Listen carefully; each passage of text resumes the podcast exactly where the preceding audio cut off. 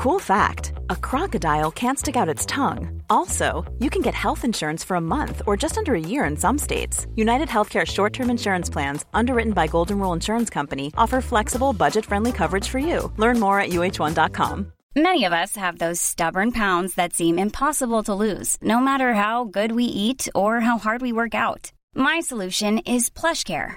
PlushCare is a leading telehealth provider with doctors who are there for you day and night to partner with you in your weight loss journey. They can prescribe FDA-approved weight loss medications like Wagovi and Zepbound for those who qualify. Plus, they accept most insurance plans. To get started, visit plushcare.com slash weight loss. That's plushcare.com slash weight loss.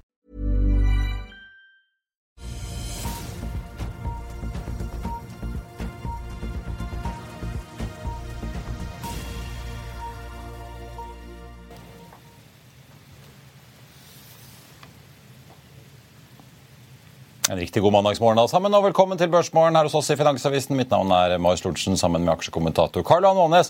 På denne 16. oktober, en dag der det er ventet at Jonas Gahr Støre skal gjennomføre endringer i regjeringen i et ekstraordinært statsråd før lunsj. Norconsult bekrefter at de vil inn på børs, og der oljeprisen holder seg over 90 dollar fatet etter fredagens kraftige bygst. Dagens gjest er analysesjef i forvaltningsselskapet Norcap, Jarle Sjo, på starten av en ny uke der vi på kalenderen ser at vi får en rekke kvartalsrapporter, både her hjemme som fra selskaper som DNB, Entra, Yara, Nordea, Gjensidige og Nordic Sebuconductor, mens eh, man utenfor landets grenser venter på rapporter fra selskaper som Charles Schwab, Bank of America, Goldman Sachs, Lockheed Martin, United, Netflix, Tesla og mange, mange flere. Hovedveksten her hjemme endte opp 0,17 på fredag og rundet dermed uken opp eh, hele 4,8% Det er ventet at vi vil tikke videre oppover 0,2 fra start i dag, både ifølge Demi Markets og Nordnett. Vi ser at europeiske futures er svakt eh, ned i dag. Oljeprisen likevel solid over 90 på 90,37, selv om den falt litt tilbake etter den kraftige oppgangen jeg nevnte da på fredag. De asiatiske markedene er noe ned på morgenkvisten. Vi så Wall Street eh, ende ned eh, fredag. Nasdaq endte ned hele 1,2, da, med et mindre fall på de to andre store indeksene, men likevel så er altså Wall Street opp andre uken på rad. Jeg tenkte også bare å nevne hva som skjedde på andre siden av eh, Skagerrak. For Novo Nordisk løftet jo guidingen sin på fredag. Det løftet også Novo et par prosent og vippet altså hele København-børsen over i pluss for eh, dagen. Så de endte da opp sammen med oss på fredag, men stort sett alle de andre børsene i Europa endte i eh, rødt. Da kom det en kvartalsoppdatering fra DNO i forkant av kvartalsrapporten. De endte med en produksjon på rett under 26 000 fat oljekarenter per dag i tredje kvartal. Selskapets virksomhet i Kurdistan sliter jo med lav eh, produksjon. Tåkefeltet har imidlertid gjenåpnet produksjonen fra og med 18 juli og har blitt trappet opp til et ikke spesifisert eh, beløp, skal vi tro meldingen da fra DNO. De nevner også da flere av de funnene som de har vært med på i kvartalet som har vært gått. godt. Nå har kommet en melding fra Vår Energi om at storaksjene Hightech Vision gjør en del endringer i eierskapet sitt, men det ser ut til at de beholder eierandelen. Det er jo ikke så lenge siden de solgte unna en del aksjer fra Hightech Vision. Og så melder Q-Free at sjefen Tale Kuvås Solberg går på dagen. De, hun da viser til at det å lede det som nå skal bli et privateid, ikke-notert selskap, er noe annet enn jobben hun takket ja til for et års tid siden som sjef for et børsnotert eh, selskap. Det var i slutten av september at Guardian Capital og Riber annonserte et felles bud på Q-Fleet til 12 kroner aksjen. Aksjen endte jo rett før budet ble kjent da på 6 kroner aksjen, så en uh, kraftig kursoppgang kom jo selvfølgelig den gangen. Aksjen endte fredag på 11,80, altså 20 øre under budet. Og Budgiverne de kontrollerer nå 64,5% av aksjene i selskapet, da ifølge den siste statusmeldingen på oppkjøpet. Det er finansdirektør Trond Christensen som skal fungere som sjef i Q-Free inntil en ny er utpekt. KMC Properties sendte ut en melding sent fredag ettermiddag om at de selger eiendom i svenske Tobi til bokført verdi. De får inn rett under 70 millioner svenske kroner på det, og sjefen i KMC Properties, Liv Malvik, peker på at salget støtter opp om at KMC har eiendom med en sterk og stabil markedsverdi med lav risiko, som de selv beskriver det. Som jo veldig mange selvfølgelig følger med på om dagen, da, om eiendomsbransjen klarer å opprettholde disse bokførte verdiene sine. KMC opplyser at salgsinntekten skal reinvesteres i eiendom med en høy grad av kontraktsdekning. Da skal jeg ønske god morgen og velkommen til eh, Karl Johan. Skal vi kaste oss over Norconsult, som eh, bekrefter at de har tenkt å gå på børs, da, med Egil Hogna, tidligere Sapa-sjefen i spissen? Ja, og han har jo erfaring fra Yara, vet jo det at hvis bare prisen er god nok, så kan du bli elska som aksje til evig tid, hvis du bare setter prisen riktig. Yara ble jo børsintrodusert til 41 kroner, og og ingen har jo, Alle er glad i aksjen lenge lenge etterpå.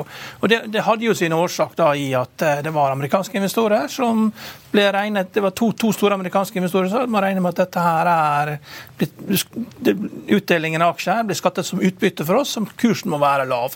Og Her er det en annen god struktur. Da. Det er jo at det er de ansatte som eier Norconsult. Så for de da så gjelder det bare å komme seg på børs, prøve å selge så lite som mulig, egentlig. fordi når du har så mange Det var jo 7000 an, det er veldig mange aksjonærer, da, så du oppfyller jo spredningskravet til Oslo Børs. Selv om, ikke, selv om, de sier at de prøver å selge 25% så vil jeg jo anta det at det, eh, det går jo an å selge mindre hvis prisen blir altfor lav. Men, men, det gjelder jo bare å sørge for at uh, prisen blir eh, OK, at det blir en OK billig pris, slik at de som kommer inn, får en god reise. På samme måte som har skjedd med Yara. Ja. Uh, ja. Nå vi, får vi jo to sånne konsulter på børsen, da, med både Nordkonsult og Multiconsult. Ja, De vil jo bli sammenligna, men det er litt vanskelig å sammenligne dem med en gang. Da, fordi det er klart uh, Nordkonsult uh, presenterer seg nok fra sin beste side. Ja, det vil jeg tro. Og uh, Multiconsult har vel fått noen slag for baugen, så det er, litt, det er vel litt annet, litt annet, Og de har jo gjort det veldig bra, da, men Det blir en pedagogisk oppgave å få folk til å huske forskjellen, kanskje? Ja, begge lever jo av den norske stat, da, så det skal jo spennende å se de første årene får kraftig fall i børskursene, og hvordan det slår ut på inntektene til selskapene her. De planlegger for eh, å ha første dag på børs i november. Det, er det ikke litt tøft gjort å gå på børs nå, da, når vi har sett hvordan en del av disse børsnoteringene som har vært sjøsatt eh, utenlands, har gått sånn passe dårlig? Ja, men det, De har jo vært sinnssykt priser de i utlandet. Her er, hvis du har en god pris, så er det klart du kan alltid gå på børs. Så dette får de til. hvis at de, og her er jo det det er jo ansatte som er godt opp i åra, dette her, og som har penger. Også. hvis de syns prisen er for lav, da, de som syns at det blir satt for lavt, de kan jo bare kjøpe aksjer på børs. Eh, de har jo penger, disse folka her. så... Men det er jo litt spesielt. Altså, jeg tenker på disse to, pluss selvfølgelig ABG. Du kjøper jo, og Det du investerer i, er jo egentlig bare folk. Det er jo ikke noe særlig Ja, Men det er litt annerledes. altså Meglerforetak der Det er ikke noen store fabrikkanleggere, fly eller oljeplattformer eller skip. eller det er jo, Du er jo helt avhengig av at de folkene jobber i bedriften og leverer og ikke slutter. Og... Jo, men i et konsulentfirma så det, det er klart du får, du får en ny insentivstruktur, men, men med god ledelse så klarer man å løse det. Eh, så eh, alternativet Det har jo vist seg det at eh, det å være på børs gir jo fleksibilitet. De sliter mye med de selskapene som ikke er på børs, da, mm. med å skape dynamikken liksom, som sørger for at du beholder inntjeningsmaskiner. da. Så, Men er det, ja, det er jo ikke en veldig kapitalkrevende bransje de driver i, konsulenter. altså Så lenge de har en laptop og et par skjermer, så har de jo egentlig det de trenger. Nei, Men du selger jo tillit, da. Ja. Så det gjelder jo ikke å bli for aggressiv. Så det er ikke liksom det å hente kapital Nei. dette er for å gjøre? Det, Nei, det må jo være for at de ansatte skal kunne Ja, at du skal få belønning for å ha bygd opp et firma gjennom et helt liv, da. Så det er jo en måte å Og, og det, er jo, det, er jo, naturlig at det, det er eh, passiv kapital som kommer inn og, og får avkastningen. Og fordi at firmaet er jo bygd opp nå. Så, nei, så det er en naturlig, eh, naturlig måte å gjøre det på. Skal vi snakke litt om uh, bankene før vi tar inn dagens uh, gjest? Vi fikk jo Wells Fargo City og ikke minst JP Morgan her på fredag. Denne uken så kommer det enda flere med Morgan Stanley, Goldman, Back for America. Kjerstin Bråten i DNB og Ida Lerner, CFO-en der, skal i vinden uh, ut med sine tall. Det er vel på torsdag? Det, det, det, som er spesielt, er at uh, JP, Morgan, uh, JP Morgan kom med gode tall, da, men aksjen slutter likevel på sitt laveste for dagen. Og uh, KBW-indeksen er nå på sitt laveste i forhold til SMP 500 siden, altså en bankindeks? Ja, bankindeks ja. siden 1992. Så det er ikke noe styrketegn. Da. Robert Ness har jo vært ute med beregninger som viser at egentlig så er halvparten av aksjekapitalen i bankene tapt i USA hvis du hadde måttet føre dette mark to market fordi at de har så enorme obligasjonstap. Ja. Og Obligasjonsrenten gikk jo opp, en katastrofal obligasjonsemisjon eh, på, eh, på, eh, på torsdag, som da smitta over selvsagt på bankaksjene. Og Man skal være klar over det, banker de har ikke så mye egenkapital, så det, det skal ikke så mye til å, å skape stor usikkerhet i banker. Og De gråter for sin syke mor. Det kommer jo enda strengere kapitalkrav i USA nå. Alle banktoppene var ute og klagde sin nød over dette. Ja, og det er klart, eh, JP Morgan, altså Jamie Dimon ser jo det at han kan bli tvunget til å ta over en rekke banker, fordi eh, han ser hvilke problemer de har. Men de har jo et eh, luksusproblem, fordi at eh, de renner jo over av innskudd og kan liksom sette grenser. Ja, ok, du vil ha høyere rente, ja, da må du putte inn fem millioner dollar. Så skal du få kjøpe en CD, så kan du få certificate of deposit. og Så de kan jo sette opp helt andre krav da, enn de mindre bankene, som bare ser at uh, innskuddene forsvinner. Da. Så det er en uh, det er en, altså Bankene er i ubalanse i en situasjon hvor statsfinansene er i ubalanse, og USA har hangarskip liggende utenfor Israel og uh, venter på at det skal skje noe i Midtøsten. Så det er, det er mye å være redd for akkurat nå. Jeg så jo, ja, fordi JP Morgan endte vel opp halvannen prosent så vidt. Uh, men jeg merket meg jo Jamie Dimon sa altså Han mener det kanskje er den farligste tiden verden har sett på mange år, som vi lever i nå, med både USAs statsgjeld og angrepet på Israel og krigen i Ukraina. Men det var jo, en ting er at renteinntektene virker jo å gå så det suser fortsatt nettoen. da. Men uh, disse, tre, de, disse, tre kompanjongene de doblet jo tapsavskrivningene sine ja. opp til 4 milliarder dollar. De lå jo samlet sett på to, så jeg her i tredje kvartal i fjor. Og det er det alle vel følger med på, disse tapene på næringseiendom og eventuelt andre deler av porteføljen som de er inne på med obligasjoner. Det er vel det de folk kommer til å spørre DNB om på, til uken nå? Ja. Nei, men det er klart Vi er jo, eh, vi er jo beskyttere. Vi er jo en råvareøkonomi. og DNB er jo på toppen av oljefondet, og det er, jo, der er mye vekslingsforretninger. Vi, og vi, vi, tar jo ut svak, det, det, som er av svakheter, tar vi jo ut med valutaen. Så det er jo en annen økonomi, da. Det er en annen måte å styre dette på. Så, men, men eh, blir det veldig stor uro ute, så vil det smitte hjemme også. Mm. Hva er det du følger med på ellers utover uken mest, da, Karl Johan? Nei, Det er jo Tesla-tall på uh, onsdag. Det blir jo spennende. Så da får vi ta Tesla Thursday Special. Vi får ta en ja. Eh, Tesla Thursday Special før neste år eh, dagene. Ja. Så får vi se hva Elon har å komme med. Vi skal ta inn eh, dagens gjest. Jeg tenkte bare å nevne at hovedindeksen starter opp hele 0, nesten 5% nå fra start. Vi ligger på 1316 poeng, så da ser det jo ganske pent ut. Ellers også stort sett grønt rundt oss i Europa. På mest omsatt-listen så er det også stort sett jevn oppgang. Golden Energy Offshore er kanskje det store unntaket ned nesten 8 og ganske høyt oppe på omsattlisten, de også. Selv med en oljepris som også ligger på over 90 dollar fatet, som er svakt ned da, etter den kraftige oppgangen på fredag. DNO er så vidt i pluss 0,4 etter sin kvartalsoppdatering. Vår Energi opp 2,7% og ser dermed ut til å gjøre det desidert best av de tre store oljeselskapene på Oslo Børs. Men der er det jo da Hightech Vision som varsler litt endringer på kammerset i eierskapet sitt. Vi er straks tilbake med Jarle Sjor etter dette. Vil du bli oppdatert på det viktigste som har skjedd innen finans og næringsliv? Da er det bare å følge med, for hver morgen er jeg, Marius Lorentzen og aksjekommentator Karl Johan Malnes på plass i studio for å ta tempen på dagens marked i Børsmorgen. Og hver ettermiddag oppsummerer vi alt du trenger å vite i økonominyhetene, og det blir selvfølgelig masse interessante gjester. Klikk deg inn på fa.no-tv, eller søk opp Børsmorgen og Økonominyhetene der du hører på podkast.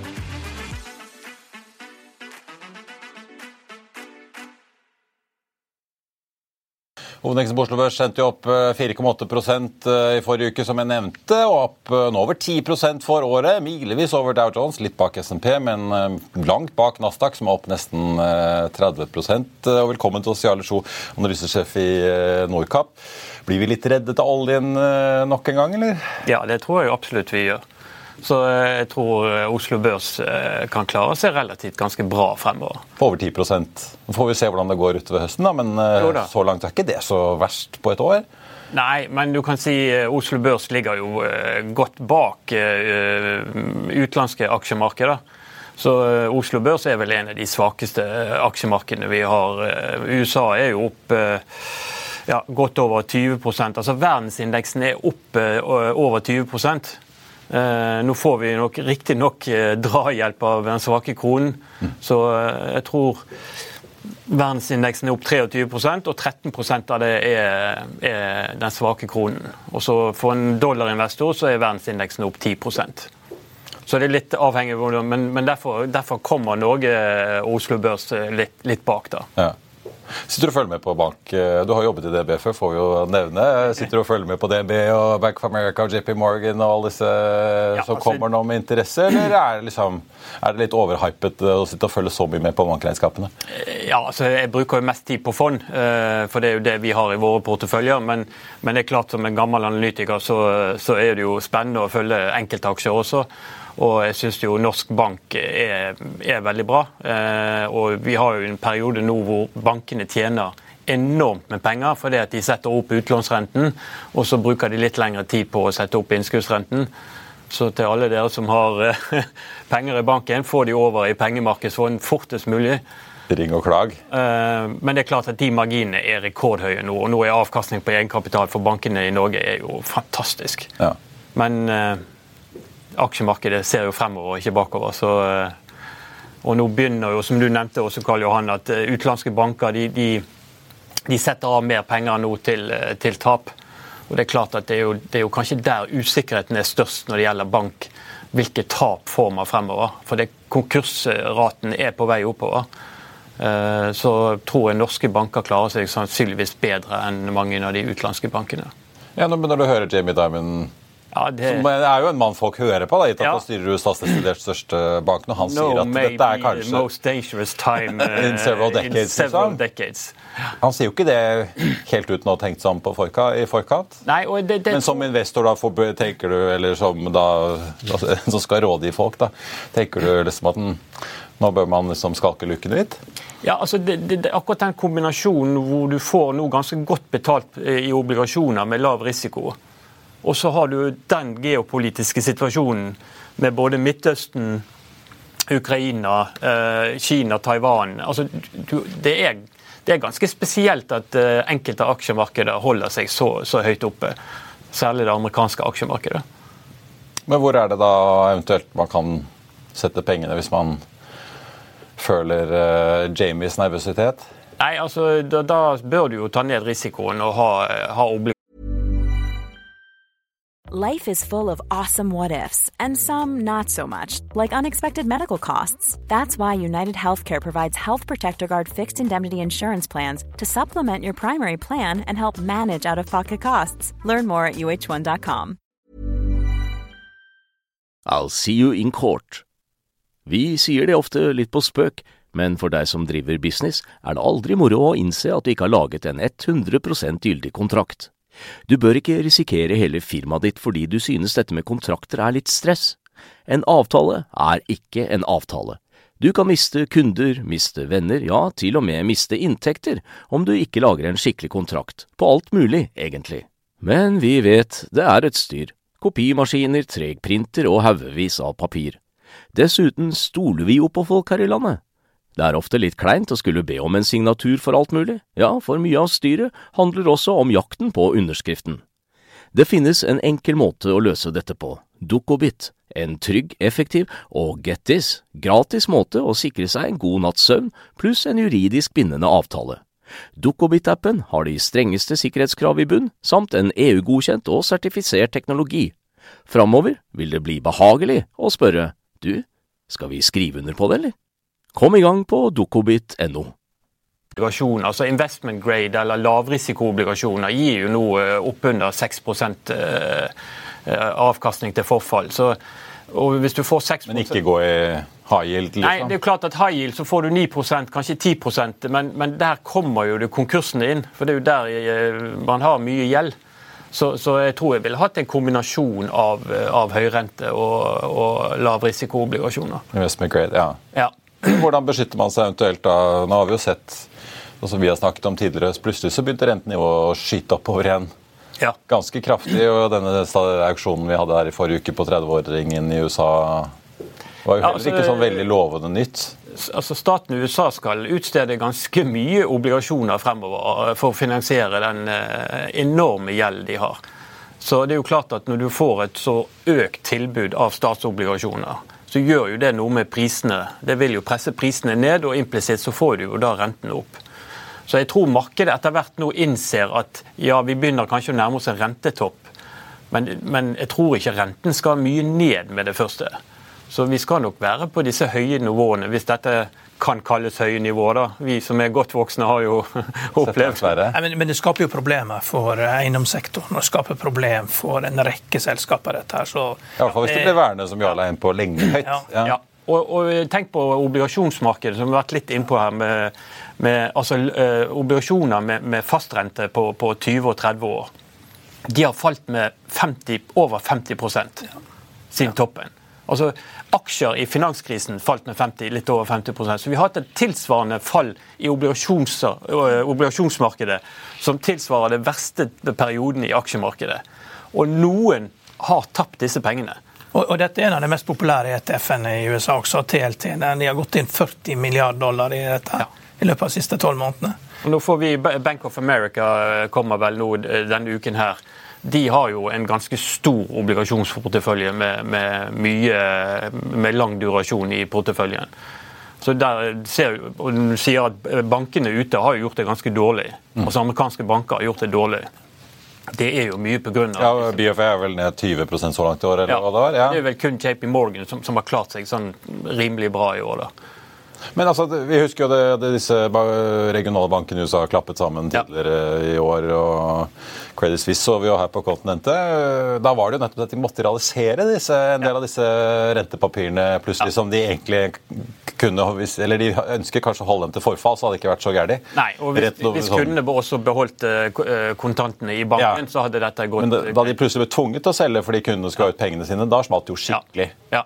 Dette ser du... jo. Er dette en litt sånn latent bombe som alle bare håper at dette går bra hvis ingen må realisere tapene? Jeg tror de verste eh, bankene i USA er de som har gått, eh, gått konkurs nå. Mm. Så jeg tror andre har sikret seg på, på en bedre måte. Men, men, det er helt klart at hvis du får hvis du får et sånn eh, kundeavgang eh, i enkelte banker, så, så, vil det være flere som kommer til å få problemer. Og Dette ser vi også i Kina nå. Eh, med all den eiendomsproblematikken der, så begynner man å ta ut noe penger som man har satt inn som, som forskudd så der begynner det også å bli tatt ut ganske mye penger nå. Det, det var fire banker som gikk over ende, og, to av de var venturebanker som hadde veldig mye innskudd. Og de to andre var kryptobanker, så det var, det var veldig spesielle banker. Men de var relativt store. Men, men USA gikk jo med 300 milliarder dollar. Dette er Bank Term Funding-program. og Det er jo ett års lån, da. Og det går jo ut i mars neste år. Mm. Ja. Mm. Jeg tror de, Rammen var 300 milliarder. Jeg tror det har blitt trukket sted nå over 200 milliarder dollar på det programmet. Men Det er jo eh, kvartalssesong. Eh, apropos disse banktalene. Hva annet sitter du og følger med på, eller er du spent på, da? Nei, Jeg er jo veldig spent på, eh, på resultatsesongen i sin helhet. da. For jeg tror mange av selskapene kommer nok til å levere helt greie resultater. Men det er det som jeg tror blir viktig, å følge med hva de Vi har allerede begynt på fjerde kvartal, og hva de begynner å nå se av eh, salg i fjerde kvartal. For Det er helt klart at eh, markedet har store forventninger til resultatene eh, for 2024. Man forventer en omsetningsvekst globalt. Og marginene som forventes neste år, er de beste marginene vi har sett noensinne. Så, de som kommer med litt advarsel om at ting ikke går så bra som, som man trodde, de tror jeg blir straffet ganske hardt på børs. Ja. Citibank har jo offentliggjort sånn kredittkortstatistikk. Da faller liksom uh, year over year da faller liksom forbruket med 10 da. Men det er jo det er for at du kommer fra en sånn veldig høy pandemieffekt. altså Det blir rart, men likevel 10% ned. Det slår jo på selskapene, for du måler jo mot året før uansett. Ja. Ja. Og, og, og, toppen for pandemien var jo for to år siden. Så det, selv om at det, det kan bortforklares, så har det effekt på tallene. Ja. Ja, jeg tenkte på, så Det er jo veldig sprik òg. Nordic Semiconductor har kommet med resultatvarsel på den negative siden. Eh, Noe ja. nordisk har kommet til positive ende. De vil ikke bare selge mer og mer og mer av disse diabetesbaserte ja, vektmedisinene. Og Det er jo det som kjennetegner markedet, aksjemarkedet nå. at Det er jo enkelt store selskaper som, som, gjør det veldig bra. Sånn som i, i, Norden så har vi Novo Nordisk, og i USA så har vi disse Magnificent Seven-teknologiselskapene. Eh, og jeg så jo altså SMP 493, eh, altså De andre 493 eh, selskapene på, på SMP 500 de har jo en flat utvikling så langt i år. Mm. Så det er jo de syv tech-selskapene som har trukket hele børsen. Og det er jo en sånn utviklingstrend som vi har sett før òg. Ja da, og det, og det, er kunstig intelligens og det er mange forklaringer for det. Men det betyr jo også at risikoen i det amerikanske aksjemarkedet ligger på få selskaper. Så, så det er klart at hvis de skuffer, så, så vil jo markedet kunne falle også. Men det er klart, disse slanke, disse fedmemedisinene kommer jo med side effects. da. Eh, og eh, hvis det er sånn at det du eh, ikke tåler å se mat, at du, at du det går utover muskelmassen din, at det, er like mye muskelmasse som fett som blir borte. altså dette her er det, er ikke, det er liksom ikke slam dunk, dette her. Og jeg ser jo det at eh, danskene har jo satt en nordmann på topp som styreformann, så det er klart at det er jo han som vil bli saksøkt. Ja, ja, det er han som vil bli saksøkt. og det, det altså, Han må finne ny sjef i BP òg, det. Ja. ja, ja, så det er jo Altså det, det, er ikke så enkelt. Du kan bare ta en sånn slankemedisin og så slutte å spise. og så, så får masse sideeffekter. Og, og, og, amerikanske advokater elsker jo sideeffekter. Det, det blir jo søksmål herfra til månen hvis folk begynner å dø av dette. En analytiker som følger ja. Walmart og en del av disse store ja. selskapene i USA som uh, lever av å selge mat enten i dagligvareform eller i ferdig servert form, begynner jo å snakke om at uh, dette kan få konsekvenser for salget. Ja, klart, hvis folk slutter å spise, så får jo det det. er jo ganske vanvittig liksom, at man begynner å legge inn i estimatene for disse store amerikanske gigantene innen mat at uh, salget kommer kanskje å begynne å dabbe av litt, fordi at uh, såpass mye av kundemassen kommer til å gå på Sempic eller uh, Vagovi. Men det som, for, for, vår del så er det ganske sånn krevende nå. Vi velger jo fond.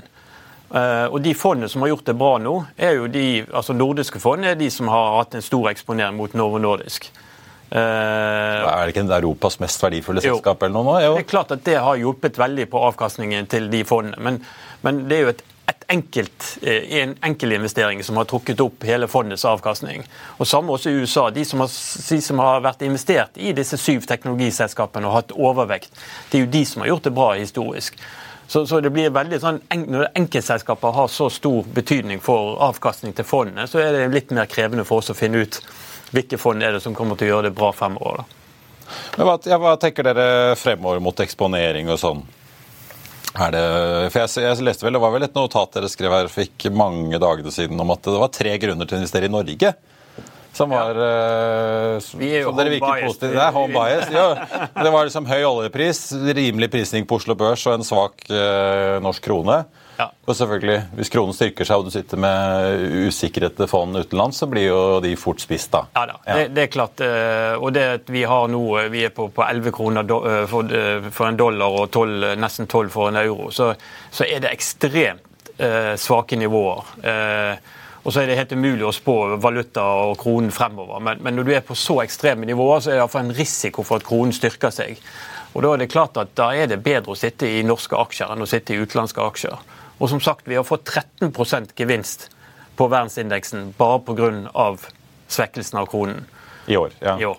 Så, så, og så har vi olje- og, og, energisituasjonen som nå er blitt mye mer usikker pga. Midtøst-konflikten, som gjør at oljeprisen og, og, og, gassprisene nå med også gassrørledning som, som eh, ble ødelagt, eh, så er det klart at energiprisene kan holde seg ganske høyt eh, fremover. Og det, det, skal jo eh, Det er såpass stor andel av Oslo Børs at det, det skal eh, bidra. Og så har vi banksektoren som også er stor, som, som også gjør det ganske bra nå. Så, eh, så, så jeg tror Oslo Børs og, og, prising i forhold til inntjening er lav. Prising i forhold til bokførte verdier er helt sånn midt på treet. Så, så jeg tror ikke Oslo Børs er et, det verste stedet å være akkurat nå. Nei, Nei for dere peker på PE neste tolv måneder på Oslo Børs i hvert fall rundt 11 historisk snitt fra 2006 har vært 14. Ja. ja. Og prisbok ligger også ligger sånn omtrent på historisk snitt. Men, men, når energiprisene er høye, så pleier jo prisbok også å, å, å stige. Så, så, jeg tror det store deler av Oslo Børs kan, kan, klare seg ganske bra i et litt uh, usikkert marked. Er det noe som frister i fremvoksende markeder eller USA, eller? Ja, altså Fremvoksende markeder er jo også priset lavt. Altså det, er jo, det, er jo, det, er jo det amerikanske markedet som er priset høyt. Eh, mens eh, både Europa og fremvoksende markeder er jo eh, lav prising. Og så er Kina et stort spørsmålstegn nå. Både pga. eiendom, pga. høy arbeidsledighet. og at veksten der kommer ned. Så, så jeg tror jeg ville sett på fremvoksende markeder kanskje utenfor Kina. altså. Ja. Ja, Vi må snakke litt om Midtøsten også, hvordan, hvor frontlinjene går her. At det er jo eh, Israel har jo ikke gått inn i Nord-Gaza, og Iran truer med at dersom de gjør det, så vil det få konsekvenser. Og USA sier at dersom Hezbollah skyter raketter mot Israel fra Syria eller fra Libanon, så vil eh, USA blande seg inn også. Så det er jo ganske mange sånne eh, tripwires som er satt opp her nå, som kan gå av i løpet av veldig kort tid hvis ikke folk besinner seg. Det var ganske interessant seanse i går på Meet Press på NBC. Ja. Lindsey Graham, senatoren, den ja. velkjente senatoren fra ja. Sør-Carolina, var på plass. Og han og flere andre skulle nå tute ned til Midtøsten, ja. besøke både Saudi-Arabia og Israel. Fordi her skulle disse samtalene mellom Saudi og Israel de skulle gjenopptas. og Det var ikke snakk om at Iran skulle klare å stoppe at de to landene finner en slags sånn eh, varig fredsavtale og enighet seg imellom. Mm. Og snakket om korridor sør mot Egypt og men det blir, jo, det, blir jo, det, det blir, jo, litt spenninger her mellom uh, hva Teheran vil og hva Washington og Ria vil, virker det som? Ja, ja. ja og det er klart at uh, det var jo også eh, visse forhandlinger med Iran, også mellom, mellom, USA og Iran. og Det var fangeutveksling og det var frigjøring av disse seks milliarder dollarene i, i Sør-Korea til Iran. Så, så, det var jo ting som var på gang. Men akkurat den konflikten her nå gjør jo at ting blir mye mer krevende. da. Ja, for nøkkelen, altså det går ikke Så mye, så lenge du holder deg unna Suez, så er det jo ikke så mye olje og gass som er i spill akkurat Nei. med Israel og Palestina. Nei. Men hvis Men det begynner Iran, å trekke inn de andre Det er jo Iran som, som, gjør at oljeprisen nå stiger, at de har involvert seg og, og også truet Israel nå. At hvis de går inn i Gaza, så, så vil det få konsekvenser. Det var derfor jeg synes det var interessant at Lindsey Graham med da, demokrater på slepet alt. Altså, de har tydeligvis bestemt seg for at de skal støtte opp om dette Saudi-Israel-initiativet. Det, men det øker jo eh, innsatsen i spillet her. Alt for å unngå å blande seg inn i diskusjonen om hvem som skal bli speaker i Kongressen i USA. Ja. Ja. Det er lettere å løse problemet. Det er greit å ha noe annet å snakke om eh, på søndagsshowene. Ja, ja. Så påvirker jo dette også eh, krigen i Ukraina. Og det med de politiske utfordringene vi har i USA som gjør at du ikke får ny, ny støtte til Ukraina. Så, så skaper jo det også en ganske stor usikkerhet i krigen der. Men, men, jeg synes, hvis du skal ta frem noe positivt i det geopolitiske, så valget i Polen eh, syns jeg var veldig bra. Ja, For det ser jo ut til at uh, Donald Tusk eh, og ja. alliansen hans vinner frem, som er mer pro-EU enn de som sitter ja. nå? Ja, og det er mer pro-EU, og det blir kanskje også en eh, altså Polen er jo i ferd med å bli en svær forsvarsmakt uh, i Europa. Så å få et fornuftig politisk system der tror jeg er veldig bra for Europa. Kanskje det er der Espen Barth Eide må ta sin første tur som ny utenriksminister? Hvis ryktene stemmer, da. Vi får se. Ja, det, jeg tror ryktene stemmer. Ja. Så får vi nevne at uh, disse skarpe politiske journalistene her i landet har da uh, foreløpig rapportert at det er Tonje Brenna som blir ny arbeidsminister, som er vel de to mest relevante postene for vår del. Jarle Sjo i Nordkapp, tusen takk for at du uh, kom til oss. Så blir det spennende å følge både Tesla og alt mulig som kommer utover uken. På tappen av sendingen tenkte jeg bare å nevne at hovedveksten er opp nå 0,2% og starter da opp omtrent som ventet når vi er en snau halvtime inn i handelen. Det er nå opp så vidt i pluss etter sin kvartalsoppdatering. Vår Energi fortsatt opp to, over 2% da etter etter meldingen fra Hightech. Og så har vi da Equinor og Aker BP, som begge ligger opp pluss-minus prosenten på Oslo Børs nå, med Frontline innimellom som den nest mest omsatte aksjen på Oslo Børs ned en halv eh, prosent. Ellers så tenkte jeg bare å nevne at eh, Nordic Unman slang ut en melding på fredag ettermiddag om at det blir en eh, investorpresentasjon den 31. oktober, etter at de altså har hentet 70 millioner i en emisjon og landet en ny refinansiering med bankene sine, som inkluderer en avdragsfrihet for droneselskapet frem til september 2025. City er ute med en ny analyse på Nell. Kutter kursmålet kraftig, fra 15,50 ned til 9 kroner. Gjentar sin hold-anbefaling.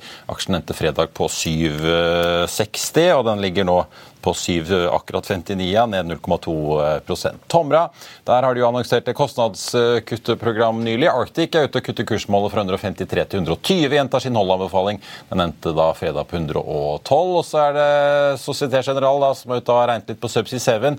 Løfter kursmål der fra 159 til 186, gjentar sin kjøpsanbefaling. Den endte fredag på 149. Det var børsmålen for denne mandag 16. oktober. Husk å få med deg Økonominyhetene 14.30. Da får vi med oss Trygve Hegnar. I mellomtiden så får du det siste nytt på FA1 og gjennom hele dagen. Ha en riktig god mandag og god, uke, alle sammen. Vi ses.